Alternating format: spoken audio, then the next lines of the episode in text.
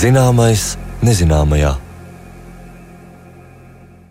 Esiet sveicināti! Skan raidījums Zināmais nezināmajā, to producēja Paula Gulbīnska un jūs uzrunā Mariona Baltkalne. Mēs šodien pievērsīsimies tam, kas nosaka mūsu pirmo priekšstatu par kādu cilvēku. Vai tas ir cilvēka acu skatiens, smaids vai varbūt gaita? Cik noturīgs ir šis pirmais priekšstats un vai tas dzīvē palīdz vai traucē? Jā, patiesi, pirmo priekšstatu var arī pētīt pēc noteiktiem kritērijiem, taču jāatceras, ka cilvēks ir kompleksa būtne un atraut vienu parametru, piemēram, acu skatienu no visa pārējā ķermeņa, nebūtu prātīgi. Par šo tematu plašāk raidījuma otrajā daļā bet cik liela nozīme ir pirmajam iespaidam, ja runa ir par sarunātām laulībām, kā vēsturē un mūsdienās šādi pāri tiek veidoti Izrēlā, Indijā un Irānā, kur laulības sarunā radinieki vai īpaši iecelti savedēji. Par to Zane Lāce Baltāksne iztaujāja tuvo austrumu politikas un kultūras pētnieku Imantu Frederiku Ozolu. Šī saruna raidījuma iesākumā. Zināmais, nezināmajā. Praktiski visās šajās valstīs, vienā vai otrā, ir eh, raksturīgas, mēs sakām, nu, šīs sarunātās, salīgtās laulības. Vai arī mums ir varbūt nedaudz vecāks vārds, kas starp citu parāda, ka šis fenomens ir zināms arī mūsu kultūrā - vidutāji vai savedēji. Nu, mums jau ir šis vārds, ja? tad, tad saved divus cilvēkus kopā. Un patiešām arī, starp citu, pat latviešu literatūrā mēs atrodam šādus piemērus. Tā nemaz nav, ka tas ir mums svešs un tikai būtu eksotisks un raksturīgs tuviem austrumiem. Kaut kādā, starp citu, arī ārkārtīgi raksturīgs. Bet šoreiz runa būs par austrumu tautām, kur aizvien ir spēkā šīs tradīcijas, kad kāds cits nolūko puisim topošo sievu vai otrādi meitenei vīru. Šo tradīciju pamatā ir gan reliģiski, gan pragmatiski, gan ētiski apsvērumi. Stāstu mēs sākam ar vietu, kur šobrīd uzturas mans sarunu biedrs. Tā ir Izraēla, kur ir grūti runāt par vienotu ebreju sabiedrību, jo jāņem vērā, ka šajā zemē mīt gan ļoti ortodoksāli, gan mēreni ortodoksāli, gan konservatīvi ortodoksāli, gan tradicionāli, gan laicīgi ebreji. Tā teica humanitāro un mākslas zinātņu doktors, tuvo austrumu politikas un kultūras pētnieks Imants Frederiks Ozols. Tātad skatām sarunātās laulības ļoti reliģiozās ģimenēs, kur kāds ģimenes loceklis, vai arī tante vai onkulis, vai kāds izraudzīts paziņa ir iecelts savedēja lomā. Ir runa par ierobežotu resursu dalīšanu kā mēs izdzīvosim skarbos apstākļos, vai kā mēs saliksim mieru starp lielām dzimtām. Mūsdienu ebreju kultūrā ļoti svarīga nozīme ir Bez visiem citiem apsvērumiem, ko es jau minēju, zemnieciskais apsvērums vienmēr tiks ņemts vērā. Un tas ir pamatot. Jo, un tas, ap citu, izriet no vecās derības, jaunajam pārim ir jādzīvo atsevišķi. Tātad, kuram ir dzīvoklis? Varbūt, piemēram, meitene nav no tik augstas raudzes ģimenes. Nu, ko nozīmē augsta raudze? Nu, vislabākais, protams, ir Ja tas ir kāds rabīns, bet, piemēram, viņš vada arī reliģisko skolu, viņam ir ārkārtīgi daudz sekotāju, un tad atkal meitenei var būt arī savi trūkumi, bet tas to kompensē. Vai atkal otrādāk? Varbūt puisis ir eh, salīdzinoši nekāds, meitene savukārt nāk no šīs ļoti augstdzimušas dzimtas, bet par to puisim ir kaut kāda vai nu finansiāla labuma, vai atkal varbūt finansiāli ir tā, bet viņš ir izteikti uzcītīgs reliģiskās izglītības izglītības gūšanā. Tur ļoti svarīgs parametrs tomēr ir šī reliģiskā līnija. Jo tas nu, sapņu, ja tā varētu teikt, līgavainis ir ārkārtīgi dievbijīgs un principā praktiski visu savu dzīvi un laiku velta Toras apgūšanai. Sarunātās laulības tomēr arī liecina, ka cilvēkiem ir ko dalīt, ir ko sarunāt. Vai nu nauda, vai nu šī toras izglītība, liela dievbijība. Tas ir ļoti vērtīgs resurss ticīgo ebreju sabiedrībā, kur pretim, nu, ja tu esi nekāds, nabadzīgs un pavisam laicīgs, Nu, precies arī aiz mīlestības. Tur jau nevienu neinteresē. Nu, es, protams, tā pārspīlēju, jā, joku pēc. Runājot par ultraortodoksālajiem ebrejiem, šajā vidē, kur runā jidišā nevis mūsdienu ebreju valodā ivritā, ģērbjas 19. gadsimta piegriezuma drānās un ļoti ierobežoti lieto mobilos telefonus, tad kā lai ģimene uzzina, kur mīt dēlam vai meitai piemērots dzīves biedrs? Tāpēc ir vajadzīgs kāds, kuram ir tā teikt katalogs ar cilvēkiem precību gados un parasti te ir runa par 16, 18 gadus veciem jauniešiem, skaidro Frederiks Ozols un turpina stāstu par tikšanās vietu, kur jaunie var novērtēt savedēja izvēlēto potenciālo laulības partneri ļoti bieži, un tā patiešām arī notiek, es esmu arī aprasījies apkārt, ļoti bieži tikšanās vieta ir, te noteikti ir jābūt publiskai vietai, tiekaties viesnīcā. Nu, ne jau numuriņā, protams, ne viesnīcas lobbyā, tur ir daudz cilvēku, nu, vai līdzīgā vietā, ja, kur ir ļoti daudz cilvēku, un tur var neuztraukties, var sarunāt laiku, tie jaunieši sadiekas. Ļoti ātri ir jābūt tām sajūtām, ir vai nav. Jūs nedrīkstat vilkt garumā, nu, vai ir vai nav. Ja nav, tev ir jāprot pamatot, kāpēc nav. Jāprot arī to tā ļoti smalki izdarīt, lai neaizvaino to otru ģimeni. Jo ir jau arī tāda nelaime. Ja meita, piemēram, ies uz daudziem tādiem sarunātajiem randiņiem un vienmēr atgriezīsies tukšā, bet tie līgavaini, potenciāli, ar kuriem viņi ir devusies satikties, visi viens pēc otra apprecēsies ar kādām citām, tad radīsies jautājums, kas viņai vainas. Savstarpējas nepatikas gadījumā atteikt drīkst gan puisis, gan meitene. Un te Frederiks Ozols min piemēru no vecās derības, kur Ābrahama kalps dodas meklēt viņa dēlam Īzakam sievu. Un tātad Īzakam, kad tiek meklēta šī sieva, kas būs Rebeka, tad viņai tiek uzdots jautājums, vai jūs vēlaties iet pie tāda par sievu. Tas nav tikai formas pēc. Viņai ir tiesības atteikties, bet Un te ir vēl citas nianses. Laika ietvars, kurā būtu jāaprecās. 18 gados apprecēties ir ļoti labi. 20, 21 gadu vecumā rodas jautājumi, kur ir problēma. Tātad jūs varat atteikties, bet arī ļoti daudz nosaka jūsu ģimene. Ja jūs nākat no ļoti varbūt ietekmīgas ģimenes, vai reliģiski ietekmīgas, vai finansiāli ārkārtīgi ietekmīgas ģimenes, nu jūs jau arī nevarat ar kuru katru. Tur patiešām ir jābūt izvēlīgam. Un tur var atteikties gan meitene, gan meitenes vecāki var atteikties. Tas jau var vēl var būt faktors. Bet tik un tā ir kaut kāds brīdis, kad tu vairs neesi pirmās kategorijas vai pirmās šķiras izvēle. Turpinājumā skatām, kā šādas sarunātas laulības noris islāmticīgo zemēs - Afganistānā un Irākā. Tur, diemžēl, salīdzinot ar iepriekšējo stāstu, tradīcijas ir daudz striktākas, un topošajai līgavai nav nekādas izvēles. Afganistānā šobrīd tā situācija ir tik smaga, meitene ir tā tāds papildus sloks ģimenei. Nu, diemžēl tā tiek uztverts, jo puisi tu vari nosūtīt vienalga vai pie talibiem vai, vai talibu pretiniekiem karā, un tas ir viens no veidiem, kā gūt ienākumu. Tad ar meiteni ir ļoti smagi šajā situācijā, un viņas tiek sarunātas un nodotas laulībā. Bet nu, tas ir pavisam citādāk. Tur, protams, nav nekāda izvēles iespēja, nekas. Diemžēl mums ir um, ziņas par to, ka ļoti bieži šādā veidā pilnīgi bērni tiek nodot, un nevienmēr tāpat vispār ir tāda laulība kā laulība. Te par pamatu tiek ņemts Islāma svētajos rakstos teiktais par pravieti Muhamedu, kuram viena no sievām bija deviņgadīgā Aiša, un tāpēc nereti vien meitenes jau šādā vecumā tiek izprecinātas.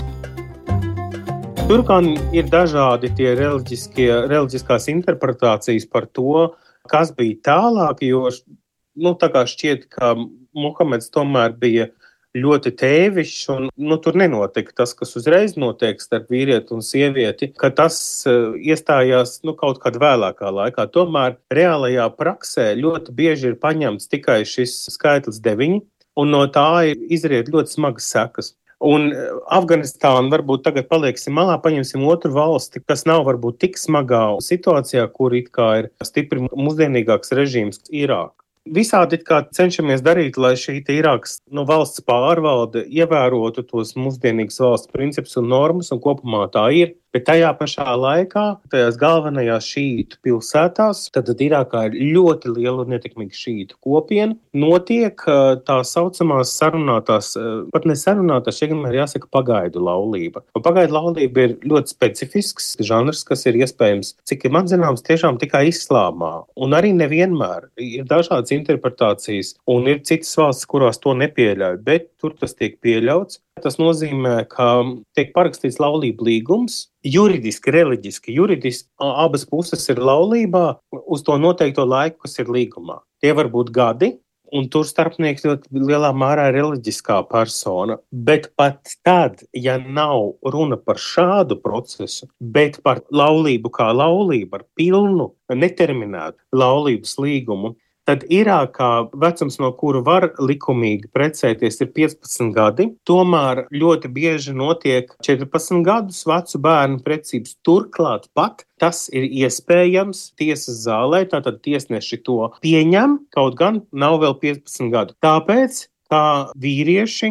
Nu, dažreiz tie ir zēni, bet tomēr vecāki par meiteni. Piemēram, tas viens gadījums, ko eh, ļoti labi BBC arabiku dokumentālisti parādīja. Puisim ir 18 gadi, bet viņš grib 14 gadīgu. Turpat zālē bija meitene, bija puisis, abu pušu vecāki, un turpat ir meitas tēvs, un viņi intervē un viņam prasa, nu, kā jūs piekrītat kaut kam tādam, ka jums bērnam ir tikai 14 gadi. Viņš saka, jā, bet negrib jau tie mūsdienu puiši vairāk meitenes, kad viņām ir 18 un vēl vairāk gadu. Kas notiek tālāk? Diemžēl ļoti bieži pēc pāris gadiem šīs attiecības tiek šķirtas, Un meitene tāpat nonāk absolūti kļūmīgā situācijā. Nevienam viņa vairs nebūs īsti vajadzīga. Nu, nevis īsti, bet viņa tiešām nevienam nebūs vajadzīga, ieskaitot savu ģimeni. Kaut gan viņai nav šis kauna treps kā meitenei, kas ir palikusi pēc uh, terminētajām laulībām. Viņai nav tāds kauna treps, bet viņa tāpat ir lieka. Viņai vairs nav kur doties.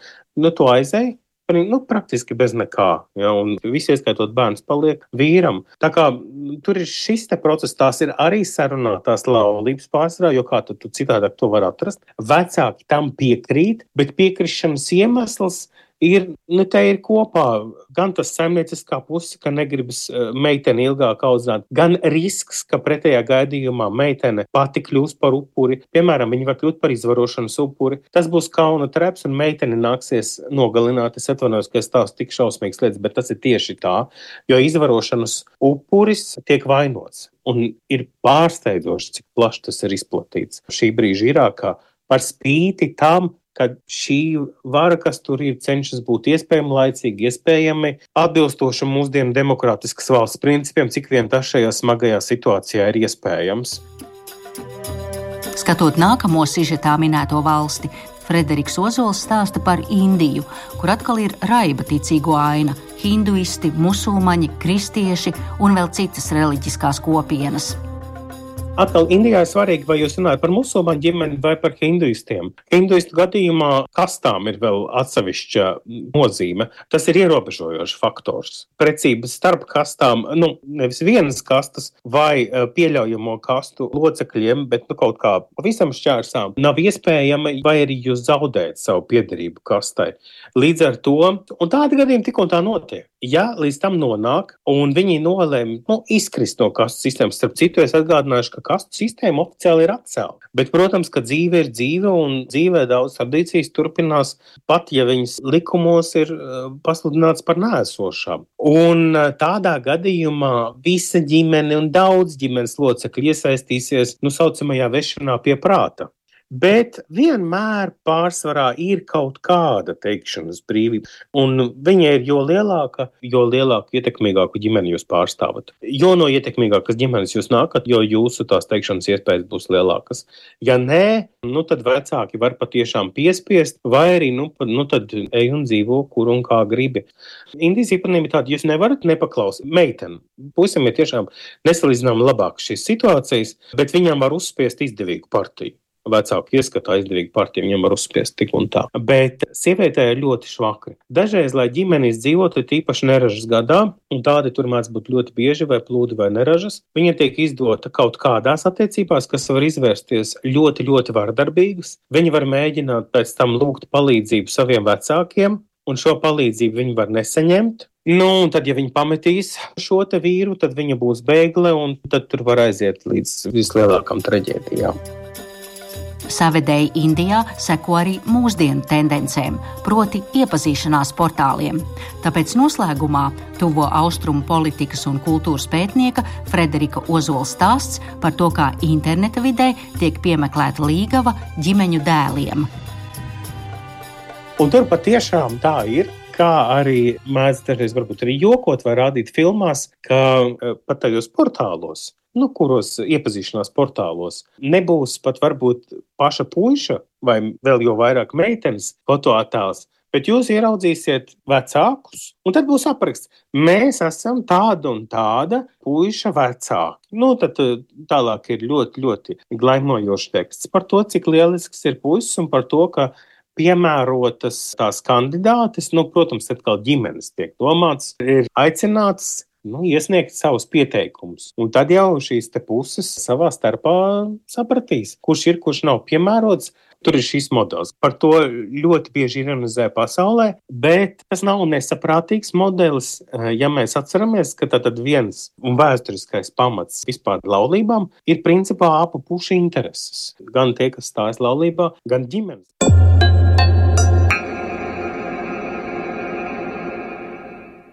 Par pirmā iespaida nozīmi sarunātu laulību gadījumā austrumu kultūrā stāstīja Imants Frederiks Ozols, un ar viņu sarunājās mana kolēģe Zane Lāce Baltāksne.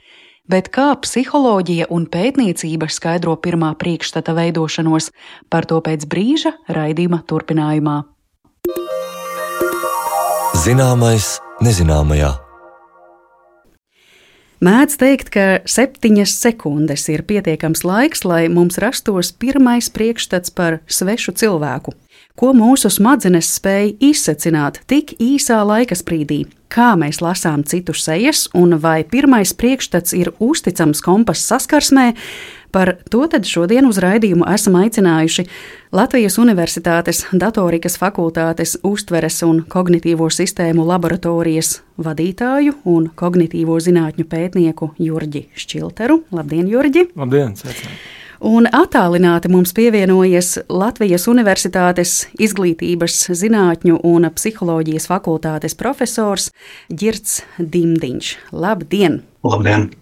Jā, vispirms es gribētu sākt ar to, vai šis pirmais priekšstats, kas mums var veidoties par cilvēku dažādos veidos, no tā, ko cilvēks saka, no tā, kā viņš izskatās, arī no tā, kā viņš varbūt eh, smaržo, vai tā mums ir tāda bioloģiska nepieciešamība, tāda nepieciešamība izdzīvošanai, jo droši vien mums taču, kā jebkuram dzīvniekam, vajag saprast, kas man šeit stāv pretim, vai tas man ir draudzīgs, vai tas man ir bīstams vai mēs šeit cilvēki esam arī nu, tādi paši dzīvnieki.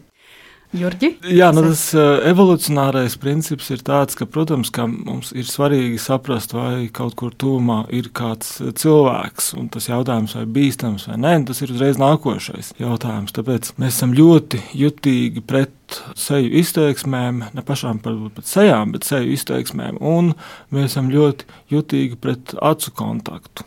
Tas pirmais, kas mums notiek, ir tas, ka mēs mēģinām atklāt, vai kaut kur vidē mums apkārt ir seja.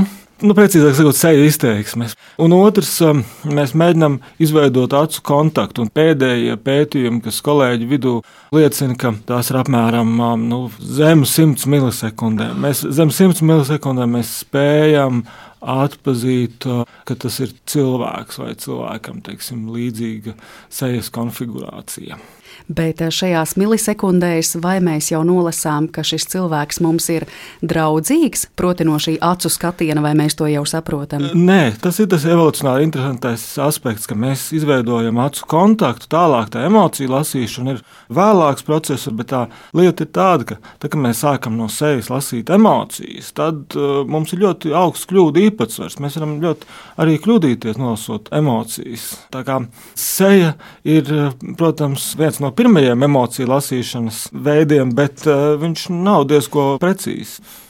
Tad, ģirt, vēršos pie jums. Sanāk, ka mums, kā tiem dzīvniekiem, kur ir cilvēki, ja mums tas uzdevums ir, es jūtu, krietni sarežģītāks nekā, piemēram, lauvai saprast, vai tas, kas tuvojas, ir ēdams, vai tas man uzbruks. Sarežģītāks, savā ziņā vienkāršāks. Nu, vienkāršāks tādā ziņā, ka mums vairs no tā nav atkarīga visticamāk mūsu izdzīvošana lielāko daļu no laika. Ne tādā aspektā, kā tas bija mūsu tālajiem senčiem pirms 150 tūkstošiem gadu un senāk. Bet jā, sarežģītāks tādā ziņā, ka, protams, šī emocija atpazīšana, kā arī visas tās citas pazīmes, kas nāk līdzi tai sejai, kur mēs atpazīstam, tās mums ir kaut kādā veidā jāapspēj apstrādāt, jā, lai šo pirmo priekšstatu izveidotu. Es pats gan neesmu veicis pētījumu šajā jomā, bet lasot citu pētnieku darbus, es varu papildināt Jurģi teikto, ka jā, emocija atpazīšana ir vēlāks process, bet tas pirmais spriedums par to, vai seja vispār ir tiksim, tā, draudzīga vai potenciāli draudīga, tas spriedums tiek izdarīts faktiski tajās pašās pat 50 milisekundēs, ja 20. daļā no sekundes. Jā. Cits jautājums, protams, ir par to, cik tas ātrais spriedums ir atbilstošs realitātei, bet uh, tas, ka uh, cilvēki konsekventi, tātad nu, lielāks cilvēku skaits līdzīgā veidā spriežot par to pašu seju, ļoti ātri izdara šo spriedumu. Tas ir diezgan robusts rezultāts tad eh, tas pirmais priekšstats, ko mēs izveidojam, mums iespējams dzīvē vēlāk var ļoti traucēt, radīt mums vilšanos, radīt sarūktinājumu, jo ir taču tik bieži dzirdēts, nu tāds eh, cilvēks ar tādu siltu acu skatienu, tādu stāju, tādu pārliecību par sevi radīja, un šeit tev nevar uzticēties, neizdara lietas laikā. Jurģi piekrītat, tas mums viss ir daudz sarežģītāk. Jā, viena lieta, protams, tāda, ka mēs jau vērtējam tos katru nākošo iepazīto cilvēku, nedomājam par sevi. Mēs jau vērtējam balstoties tajā, kāda ir mūsu pieredze. Un mēs veicam arī sistemātiskas seju atpazīšanas kļūdas, balstoties tajā, ka mums ir kaut kāda iepriekšēja paziņas, kas ir godīga vai negodīga. Tā ir tāda viena interesanta lieta, bet, protams, no uztveres pētniecībā, kas man vienmēr, domājot par sejām, šķiet ļoti interesanti, vai ir kaut kādi faktori, kas eh, sejas padara uzticamas vai kas padara viltīgas. Šie jautājumi ir no uztveres pētniecības viedokļa ļoti neskaidri, jo sejas geometriju viņi jau mēs lasām ne jau tā, ka teiksim, acis vai deguns, mēs lasām seju visu konfigurāciju kopumā. Nu, šeit viena nianses, kas ir interesanta, faktiski gadu tūkstošiem tas uzskats ir tāds, ka cilvēka acis ir ieeja uz cilvēka dvēseli vai cilvēka dvēseles spogulis, bet patiesībā sakot, ir tā, ka acīm un mutē ir funkcionāli ļoti atšķirīgas lomas. Mēs ar acu palīdzību izveidojam acu kontaktu. Savukārt, tālāk un nedaudz vēlāk, tad, tad, lasot uh, emocijas, un tas ir milisekundžu process, tieši tā kā arī Girts arī teica, tas ir milisekundžu process, bet tad, lasot emocijas, mēs vairāk skatāmies uz muti. Un, um, par šo ir ļoti daudz interesantu arī pētījumu, bet uh, vienkārši tā interesantā lieta, ja mēs ņemam vērā, ka mēs faktiski emocijas nelasām no acīm, bet gan no mutes, tad uh, ir tā, ka mēs vispirms tajā kaut kādā mūsu acu priekšā atrodamajā konfigurācijā atpazīstam, vai tās ir sejas izteiksmes vai nav. Un tad arī milisekundžu laikā saprotam, vai tā, tā ir seja vai nav. Un ar to ir saistīta tāda sistemātiska kļūda seja atpazīšanā, ko sauc par pareidoliju. Kad cilvēki, nu mēs jau katrs esam gan jau kā kafijas tasē ieraudzījuši smiley face vai ne, vai mākoņos vai tam līdzīgi. Katrā ziņā, kas ir interesanti, ka tajos objektos, sejai līdzīgajos objektos, mēs jau tāpat arī ielasām emocijas. Un tā ir interesanta lieta pat tad, kad mēs saprotam, ka tā ir kafija vai tie ir mākoņi. Tas emociju ielasīšanas process, viņš jau sāziņā saglabājās saglabājās. Nu, varbūt ne tik spēcīgi, bet tomēr. Tā kā seju uztver ir tāds secīgs process, kurā mēs vispirms diagnosticējam, vai ir kaut kāda seju izteiksmes, un tad dažas milisekundes vēlāk mēs saliekam divās kastītās - sejai līdzīgi objekti un sejas. Bet abos gadījumos mēs esam jau veikuši tādu primāro emociju analīzi, esam pateikuši, vai mm. ir priecīgs vai bēdīgs. Nu, tad eh, es jūtu, ka pirmais priekšstats tādā ikdienas saskarsmē var būt gan labs sabiedrotais, reizēm arī traucēt. Pilnīgi paļauties uz to mēs varbūt arī nevaram. Bet kā vispār pirmo priekšstatu, šī pirmā priekšstata fenomenu var pētīt, ja tas tomēr var būt arī maldīgs un iedot mums neprecīzu informāciju? Nu, sociālajā psiholoģijā viņu tik daudz pēta vēl joprojām tieši tāpēc, ka tas priekšstats var būt maldīgs. Ja, un, kā jūs teicāt, viņš var nest ļoti daudz negatīvas pieredzes gan tam cilvēkam, kurš veido šo priekšstatu, un pēc, kuru pēc tam ir grūti mainīt, ja viņš ir vienalga, vai viņš ir patiesis vai nepatiesis, gan arī tiem cilvēkiem, attiecībā pret kuru šis pirmais priekšstats tiek mainīts, piemēram, tādā diskriminācijas izteiksmē. Ja, piemēram, tas cilvēks, kurš veido to pirmo priekšstatu, ir tiesas tiesnesis vai tas ir personāla speciālists, kurš kādu pieņem darbā, jā, un tajās milisekundēs eh, izveidotais priekšstats ietekmē spriedumu, jā, kas savukārt ietekmē tā otra cilvēka dzīvi, iespējams, pat gadu desmitus uz priekšu. Tā kā es teiktu, ka patiesībā tieši šis kļūdainums vai potenciālais kļūdainums un visas tās eh, kaut kādas tendenciozitātes pirmā priekšstata izveidē ir tās, kas motivē šos pētījumus no pat eh, pagājušā gadsimta 20. gadiem līdz pat mūsdienām. Jurģī, jūs arī praktiski vairāk esat ar to saistīts. Ko tad jūs izmantojat? Sejas formas saliekat kaut kādās kategorijās, varbūt to, vai cilvēks runājot smaida vai ne? Kādas jā, ir acis? Jā, ir patiesībā ļoti dažādi veidi, kā pēta sejas, un arī kā mēs laboratorijā pētām. Bet nu, pamatā visvairāk ir tā, ka mēs veidojam sistemātiski atšķirības dažādās sejas geometrijas konfigurācijās. Teiksim, acu attālums, acu attālums no mutes, sejas garums. Piemēram, ja nav mute, vai mēs uztveram emocijas, ļoti švaki. Kas ir ar ausīm? Tā, nu, respektīvi, mēs tātad, pētot tos uztveres faktorus, seju emociju nolasīšanā, mēs mēģinām sistemātiski sistemātiski variēt, laboratorijas apstākļos variēt tos um, seja veidojošos komponentus. Un mēs arī veicam acu kustību pierakstus. Un, un, piemēram, viens no pēdējiem pētījumiem, nu, kāpēc es to tēzi apspēlēju, kad lūk, tas dvēseles spogulis nav acis, bet drīzāk mute. Mm -hmm. nu, ja mēs liekam cilvēkam skatīties uz otru cilvēku, pilnīgi bez jebkādas instrukcijas, bez jebkāda komentāra, tad pirmais, kas notiek, ir mēs skatāmies uz acīm. Tam ir evolūcionārs tiešām pamatojums. Ja mums ir jautājums, skaties uz priecīgu seju, seju, vai skaties uz bēdīgu seju. Uzreiz tā ir pilnīgi cita galaktika. Tas cilvēks, viņš, protams, viņš arī paskatās uz acīm, bet viņš daudz būtiskāku lomu pievērš tieši tam, kāda ir mutes forma. Tie mūsu pētījuma rezultāti, mums arī ar itāļu kolēģiem kopīgi pētījumi, ir tādi, ka nu, tā kritiskā emocija nolasīšana tomēr ir mute.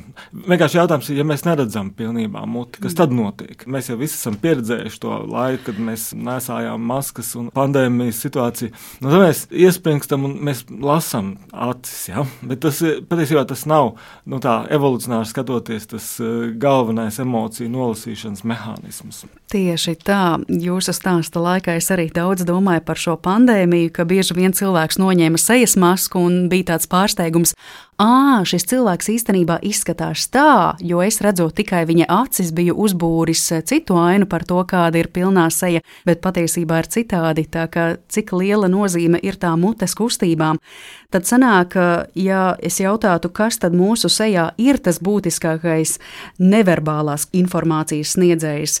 Jā, mēs runājam par acīm, bet tad es jūtu, ka lielāku nozīmi spēlē mute, bet varbūt uh, grimases Kas ir tas svarīgākais? Nu, faktiski izliekt, ieliekt mutu, teiksim, nu, vienalga mutes garums, īsums, tie faktori, kam ir jēga. Ja mēs viņus tagad visus varējam, ne tikai muti, bet arī mutes attālumu no acīm. Nu, piemēram, nu, tipiski, ja palielinās attālums starp muti un acīm, tad tas cilvēks tiek vērtēts kā nu, bēdīgāks. Ja? tas jau tāds eh, mazliet varbūt, kurios rezultāts, jo mēs jau to seju lasām tomēr kopumā. Un vēl domājot par seju pētniecību, tas protams, ir ļoti interesanti un arī būtisks ir tas rezultāts, kas gan mums, gan arī citiem kolēģiem, kad redz mutes formu, atveido emocijas, bet uh, mums jāaptur prātā, ka normāli, ja mēs ne tikai smaidam, bet mēs arī runājam, mēs žestikulējam, mums arī gaita. Un, piemēram, viena joma, kas man liekas nepiedodami aizmirsta emociju pētniecībā, ir cilvēka gaitas vai bioloģiskās kustības izvērtēšanā. Nu, ne visi mēs esam briesmīgi smaidīgi tajā brīdī, kad mēs esam priecīgi, vai nevienmēr mēs raudam, ka mēs esam ļoti bēdīgi. Bet savukārt, ja kāds pavēro mūsu gaitu, piemēram, pāris sekundes, mēs diezgan varam labi pateikt, ka kaut kas nav kārtībā, vai cilvēks ļoti noguris. To mēs no sejas nevaram tā nolasīt. Mm -hmm.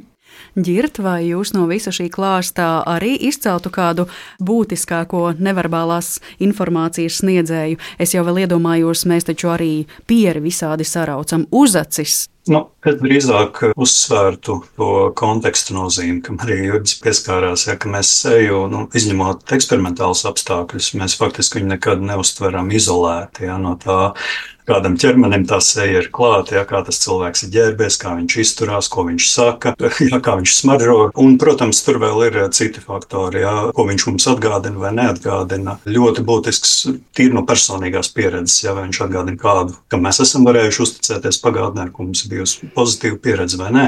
Arī tas lielā mērā var iet iekšā jau tajā milisekundžu spriedumā. Un, protams, arī ļoti būtisku lomu spēlē stereotipizācija. Vai mēs pēc tā cilvēka cilvēka kopīgā izskata, kopīgā tēla, novērtējam viņu kā konkrētas grupas pārstāvi, uzreiz ieslēdzās mūsu priekšstats par to grupu, mūsu emocijas, kas saistās ar šo grupu, mūsu iespējami aizspriedumi vai kaut kāda pozitīvā attieksme pret šo grupu. Un tas jau arī sāk ietekmēt to, kā mēs redzam to seju, kā mēs interpretējam to, ko cilvēks dara vai saka. Realitātē sociālā uztvere vienmēr ir visu šo dažādo faktoru kopums. Ja, viņi visi savstarpēji miedarbojās un ir ļoti grūti ārpus laboratorijas ja, viņus atsevišķi izolēt ja, un atsevišķi pētīt. Un, nu, jā, jautājums arī ir, cik lielā mērā to vajag, ja ņemot vērā to, ka realitātē ja, šie faktori visi darbojās kopā, ja mēs runājam tieši par sociālo psiholoģiju ja, un uh, sociālajiem spriedumiem. Mm. Es tā nojaušu, vai var gadīties arī tāda situācija, kad, piemēram, nu, cilvēkam uz sejas ir kāda pumpa, ja kāds izsitums. Mēs varamies uz šo cilvēku, mums šausmīgi tas kaitina. Ja? Vai arī cilvēks, piemēram, ir ļoti sasvīdis un tas mūs tracina. Varbūt cilvēka balss tembrs ir tāds spalks vai griezīgs, un tajā arī ir grūti klausīties. Attiecīgi, vai šie citi vizuālie, audiālie, olfaktorie, tātad ar smaržu saistītie iemesli mums var nomākt to, ka, piemēram, šis cilvēka acu skatiens taču ir tik silts un uh, mutes kustības ir tik patīkamas, bet uh, pārējais ir kaut kāds pārāk spēcīgs un nomācošs. Un tajās acīs vairs skatīties negribas, un tās mutes kustības arī vairs negribas vērot. Jorģis māja ar galvu. Jā, jā. pilnīgi viennozīmīgi. Jā. Nu, vienīgais jāņem vērā, ka ir ļoti amizanti eksperimenti, kur, piemēram, tas siltais acu skatiens vienā ņēmienā tiek padarīts par augstu. Tādā veidā, ka mēs eh, vienkārši citu veidu muti tajā bildē iefotošopējam un piepieši. Tas siltais acu skatiens vairs nav silts, viņš ir vēss vai nelaimīgs. Vienkārši Pilnīgi taisnība. Skaidrs, ka acu skatienam ir jēga un acu skatiens ietver emocijas. Mēs vienkārši sapratīsim to, ka mute var mainīt acu skatienu nozīmi. Es vienkārši vienu citu lietu gribēju piebilst par tām uzacīm gadus simts, man liekas, diskusija, vai ir kaut kādas teiksim, tādas seju uztveres universālijas, kas ir nu, visās kultūrās līdzīgas. Un, nu, sākotnēji tā doma bija, ka nu, jā, nu, kā, nu, seju uztvere ir visās kultūrās līdzīga. Jo, jo tālāk mēs dzīvojam, patiesībā jau vairāk mēs redzam, redzam ka ir tās kultūras atšķirības. Nu, teiksim, kaut vai ja ir zemes, kur ir daudz nu, teiksim, bij, visādas bīstamas saslimšanas. Skaidrs, ka cilvēki skatās viens uz otru sejām atšķirīgi. Nu, tāpēc, ka, ja tur ir pazīmes, ka tas cilvēks ir saslims, un tad būtu labāk viņu nekomunicēt, nekontaktēt. Nu, Respektīvi, kopumā tā pētniecība virzās tādā veidā, ka mums ir vairāk tās kultūra atšķirīgās pazīmes. Bet pēc visas spriežot uz acis, nu, tas vai viņas ir izliektas vai ieliektas, diezgan kultūra universāli, nu, dažādās kultūrās signalizē to, vai tas cilvēks ir dominants vai nav dominants. Nu, tātad, ja jautājums, vai ir kaut kāda nu, tāda seju nolasīšanas universālija, tāda, kas ir kultūrās salīdzinoši līdzīga vai vienāda, nu, tad acīm redzot, tās ir uz acu izliekums vai ieliekums. Jā, un vēl jau tāpat arī saka par to, ka ja cilvēks runājot smaida vai, piemēram, žestikulējot, it īpaši par to runā publiskajā runā, ja cilvēks žestikulē un parāda atvērtas plaukstas, tad tas būtu pierādījums tam, ka šim cilvēkam var uzticēties. Tas viss varbūt arī ir tādā kopējā komplektā. Droši vien tam ģitam vairāk, kas mm -hmm. sakās. Es esmu mazliet skeptisks par žestikulācijas interpretāciju. Vienkārši tā iemesla dēļ, ka mēs jau žestikulējam vienmēr saistībā ar to, ko mēs runājam. Būtībā lielākā daļa no žestiem, kas mums ir, pavada mūsu valodu. Nu, to, nu, pareizāk sakot, runu. Nu, līdz ar to tā īpaši paļauties uz žestiem pašiem par sevi droši vien nevarētu. Bet nu, sociālā psiholoģijā šis ir tāds karsts temats. -hmm. Vienkārši kāpēc es to skaru, jo daudz arī publiskajā runā saka, ka tas, kā cilvēks citu cilvēku priekšā uzstājas, tas arī ļoti daudz pasaka. Ja viņš tur, piemēram, tur rokas priekšā krūtīm vai kaut ko aizsedz vai neparāda plaukstas, tā tad kaut ko grib noslēpt. Īsti uzticēties nevar. Un arī ir pat dzirdēts, ka darba intervijās potenciālais darbs darba devējs skatās, vai intervējamais parāda sarunas laikā savas plaukstas. Aha, ja parāda, tad neko neslēpj, var uzticēties. Girt, kas jums par šo sakāms? Nu, nav tā, ka šīs idejas vai atziņas ir pilnīgi bez pamata. Ir arī sociālajā psiholoģijā pētījumi, kas rāda, ka šī neverbālā komunikācija ir izolēta ja, no tā, ko tieši cilvēks saka, tīri verbāli. Mēs skatāmies tikai uz kaut kādu video rullīti bez skaņas, ka tas var atstāt iespēju uz šo te, pirmā iespēju veidošanos. Bet uh, ir jābūt ļoti uzmanīgiem ar šo rezultātu interpretēšanu, jo mēs noteikti nevaram, kā jūs teicāt, nu, ja rāda plaukstu, var uzticēties. Ja. Tas, ko mēs tā uzmanīgi varam secināt no sociālās psiholoģijas pētījumiem, ka statistiski vidēji, jā, ja cilvēkam būs vairāk šīs atvērtās pozas, jā, un kā vairāk viņš būs gan atvērts, gan vairāk uz priekšu tendēts, jā, uz šo sarunas biedru, tad uh, iespējams kopumā tas iespējas uh, veidosies pozitīvāks, bet tas nu, nenozīmē, ka tagad visiem ir tādā grotiskā veidā jārāda savs plauks starp intervijas laikā vai publisku uzstāšanās laikā vai pārspīlēti jāsmaida. Nu, protams, jā, tas mums var signalizēt par to, ko varbūt nedarīt. Jā, šīs kaut kādas izteikti noslēgtas pozas vai sejas izteiksmes, jā, kas var signalizēt negatīvas emocijas vai attieksmi. Bet eh, šeit savukārt tādu pozitīvu lomu spēlē šo dažādo faktoru miedarbība, ja, ka neverbālā izturēšanās nav vienīgais, kas veido šo pirmo iespēju par mums. Jā, mm. tomēr arī tas, ko mēs sakām, spēlē ļoti lielu lomu, kā mēs esam ģērbušies un tā tālāk. Un tā tālāk. Jā, īstenībā daudz eh, sarežģītāk nekā mēs varētu iedomāties. Bet um, vēl saistībā ar šīm emocijām un ar to smaidīšanu, tieši tā, varbūt cilvēks arī visu laiku smaidot, nevis mēģina parādīt, ka jūtas labi, bet tieši otrādi kaut ko mēģina noslēpt. Tad, eh, Jurģi, vēlreiz pie tā atgriežoties, cik tad mēs prasmīgi esam, lai noteiktu citu cilvēku noskaņojumu pirmajās sekundēs, vai viņš ir priecīgs vai noskumis, dusmīgs? Nu, nē, esam mēs ļoti prasmīgi. Mēs, kā lai to saka, nu, mēs izdarām tādas sistemātiskas kļūdas. Mums ir tendence to vērtējumu izdarīt, izējot no tās mūsu iepriekšējās pieredzes, par ko es arī minēju. Bet ir arī, piemēram, faktori, kā vai šis cilvēks ir vesels vai nē. Nu, Angļu valodā vesela tāda teiksim, kategorija, fitness, respektīvi, sejas uztveres gadījumā. Tad ir arī, piemēram, bērnam līdzīga seja. Tas nozīmē, ka nu, nav par bērniem, jā, bet vienkārši, ja ir kaut kāda bērna seja līdzīga vaipsti, nu, tad viņa seja tiek vērtēta kā tāda, kuru var pasargāt un mazāk dominanta. Bet es vienkārši gribu teikt tā, ka tās pirmās emocijas, ko mēs nolasām, mēs izdarām ļoti ātri un mēs izdarām ļoti robusti. Tas, ka liela daļa no viņām varbūt neatbilst, tas ir cits, teiksim, cita problēma. Vienkārši man liekas, jāņem vērā tas, ka mēs jau tādās ikdienas situācijās emocijas nolasām kontekstā ar balsi, ar žestiem. Tas arī, nu, ko mēs iepriekš spriedām. Un šeit ir interesanti tas, ka tās sejas, nu, faktiski tā vizuālā apstrāde, viņi notiek ātrāk mazliet. Nu, tas ir, iedomāsimies, piemēram, mūža. Nu, viņa jau nestrādā 33 vai 100 milisekundes. Nu, 33 milisekundes tas ir tas Jēlas universitātes kolēģi rezultāts, ka viņi testē vecumu, nu, tās rases atšķirības un dzimumu. Ja? Tad, nu, iedomāsimies, sekundē 1000 milisekundes. 33 milisekundes apmēram tas laiks vidēji, kas nepieciešams, lai atpazītu. Tas, protams, nav runa par seju identitātes un tam līdzīgu īpašību atpazīšanu. Tad, ko mēs darām? Mums ir tas pirmais priekšstats, ir ļoti iespējams kļūdains par cilvēka emocijām, balstoties uz to vizuālo materiālu. Un pēc tam, protams, ka mēs sajūtam nu, tās jau pāris sekundes, varbūt mēs jūtam, ka patīk, nepatīk tā smarža. Mums varbūt nepatīk cilvēka balss tembrs, bet tas ir vēlāks, ilgāks process. Mums nepatīk cilvēka gestikulācija, bet arī tas Bet var iemācīties pierast pie tā, vai ne? Var iemācīties pierast, un tāpēc jau mēs jau visi esam tādi asociatīvās mācīšanās piemēri.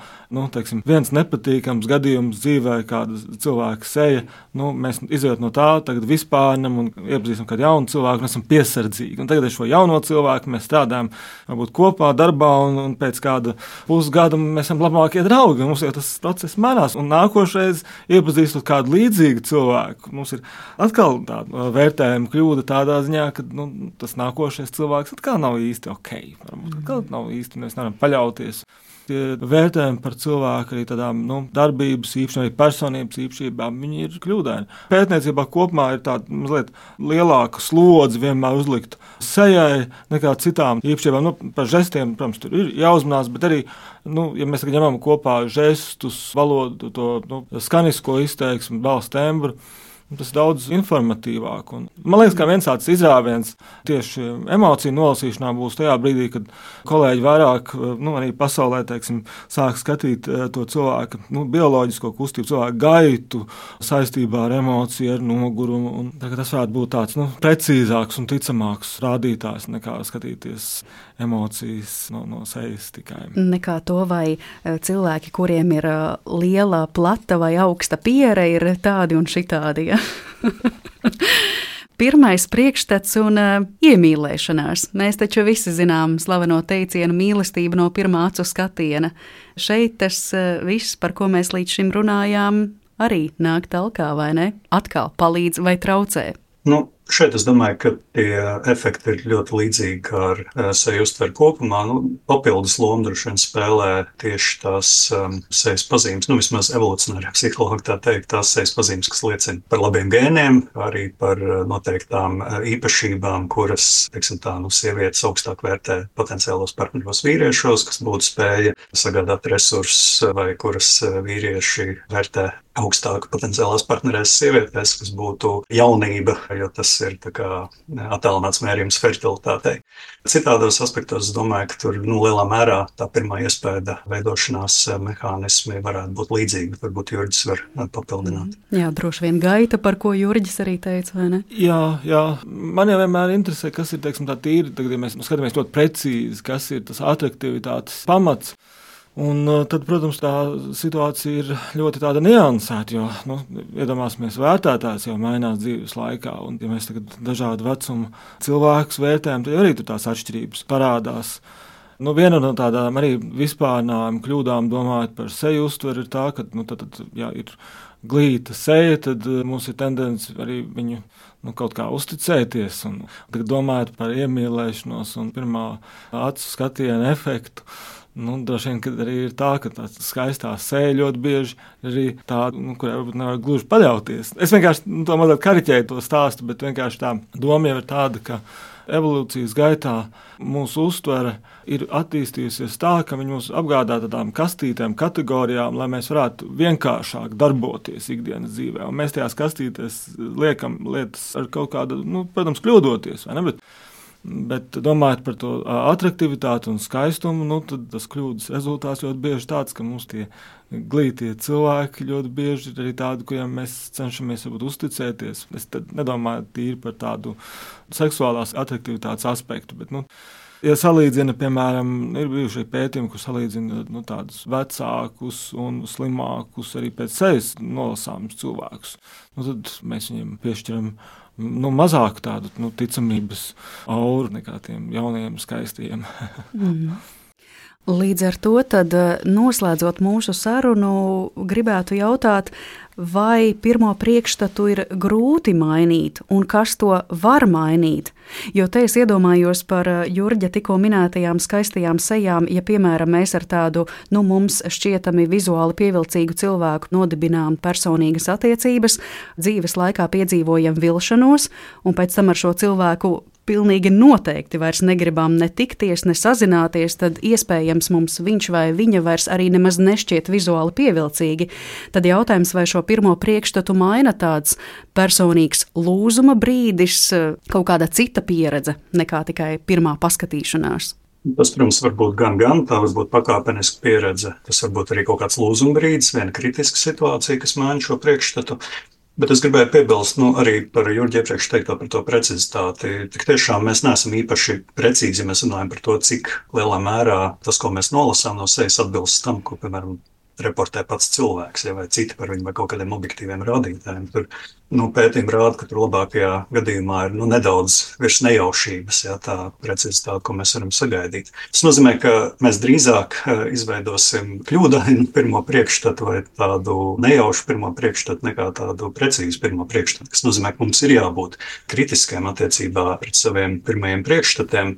Vēl vairāk tāpēc, ka pētījumi rāda, ka cilvēki arī neapzinās šo savu nespēju izveidot korektus pirmos eh, priekšstats, respektīvi atpazīt savu precizitāti vai neprecizitāti. Bet tā problēma ir, ka mēs bieži vien jā, to neapzināmies, un mēs turpinām ļaut šiem pirmajiem priekšstatiem ietekmēt savu gan spriešanu, kas nozīmē, ka mēs visu jauno informāciju laižam caur šo te jau sākotnējā priekšstatu prizmu, gan arī savu rīcību, kas nozīmē, ka mēs varam radīt tā saucamos pašpiepildošos pareģojumus. Tas nozīmē, ka mēs rīkojamies attiecībā pret cilvēku tādā veidā, kas saskan ar mūsu gaidām, un savukārt provocē šo cilvēku apstiprināt tās gaidas.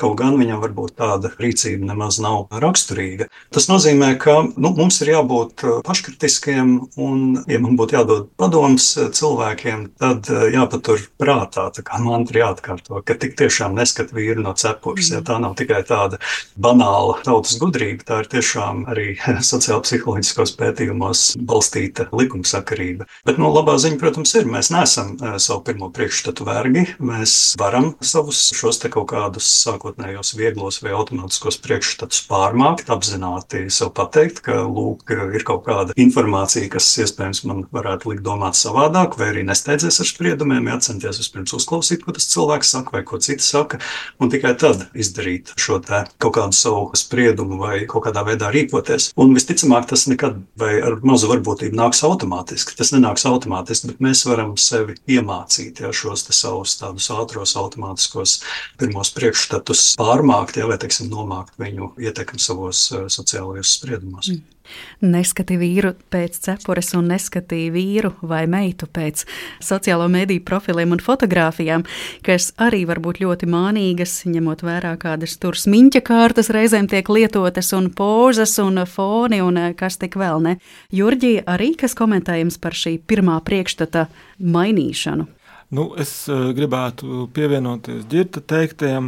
Vienīgais, kas ir vienmēr kuriozi šajos pētījumos, ir īstenībā mūsu pētījumos, ka nu, mēs neesam skaidrs, ka mēs neesam diezgan precīzi pirmajā vērtējumā un pirmajā priekšstatā, bet ir diezgan liela vienprātība tajā, kā mēs tos vērtējam, kas mums ir uzticams, kas ir glīts, neglīts.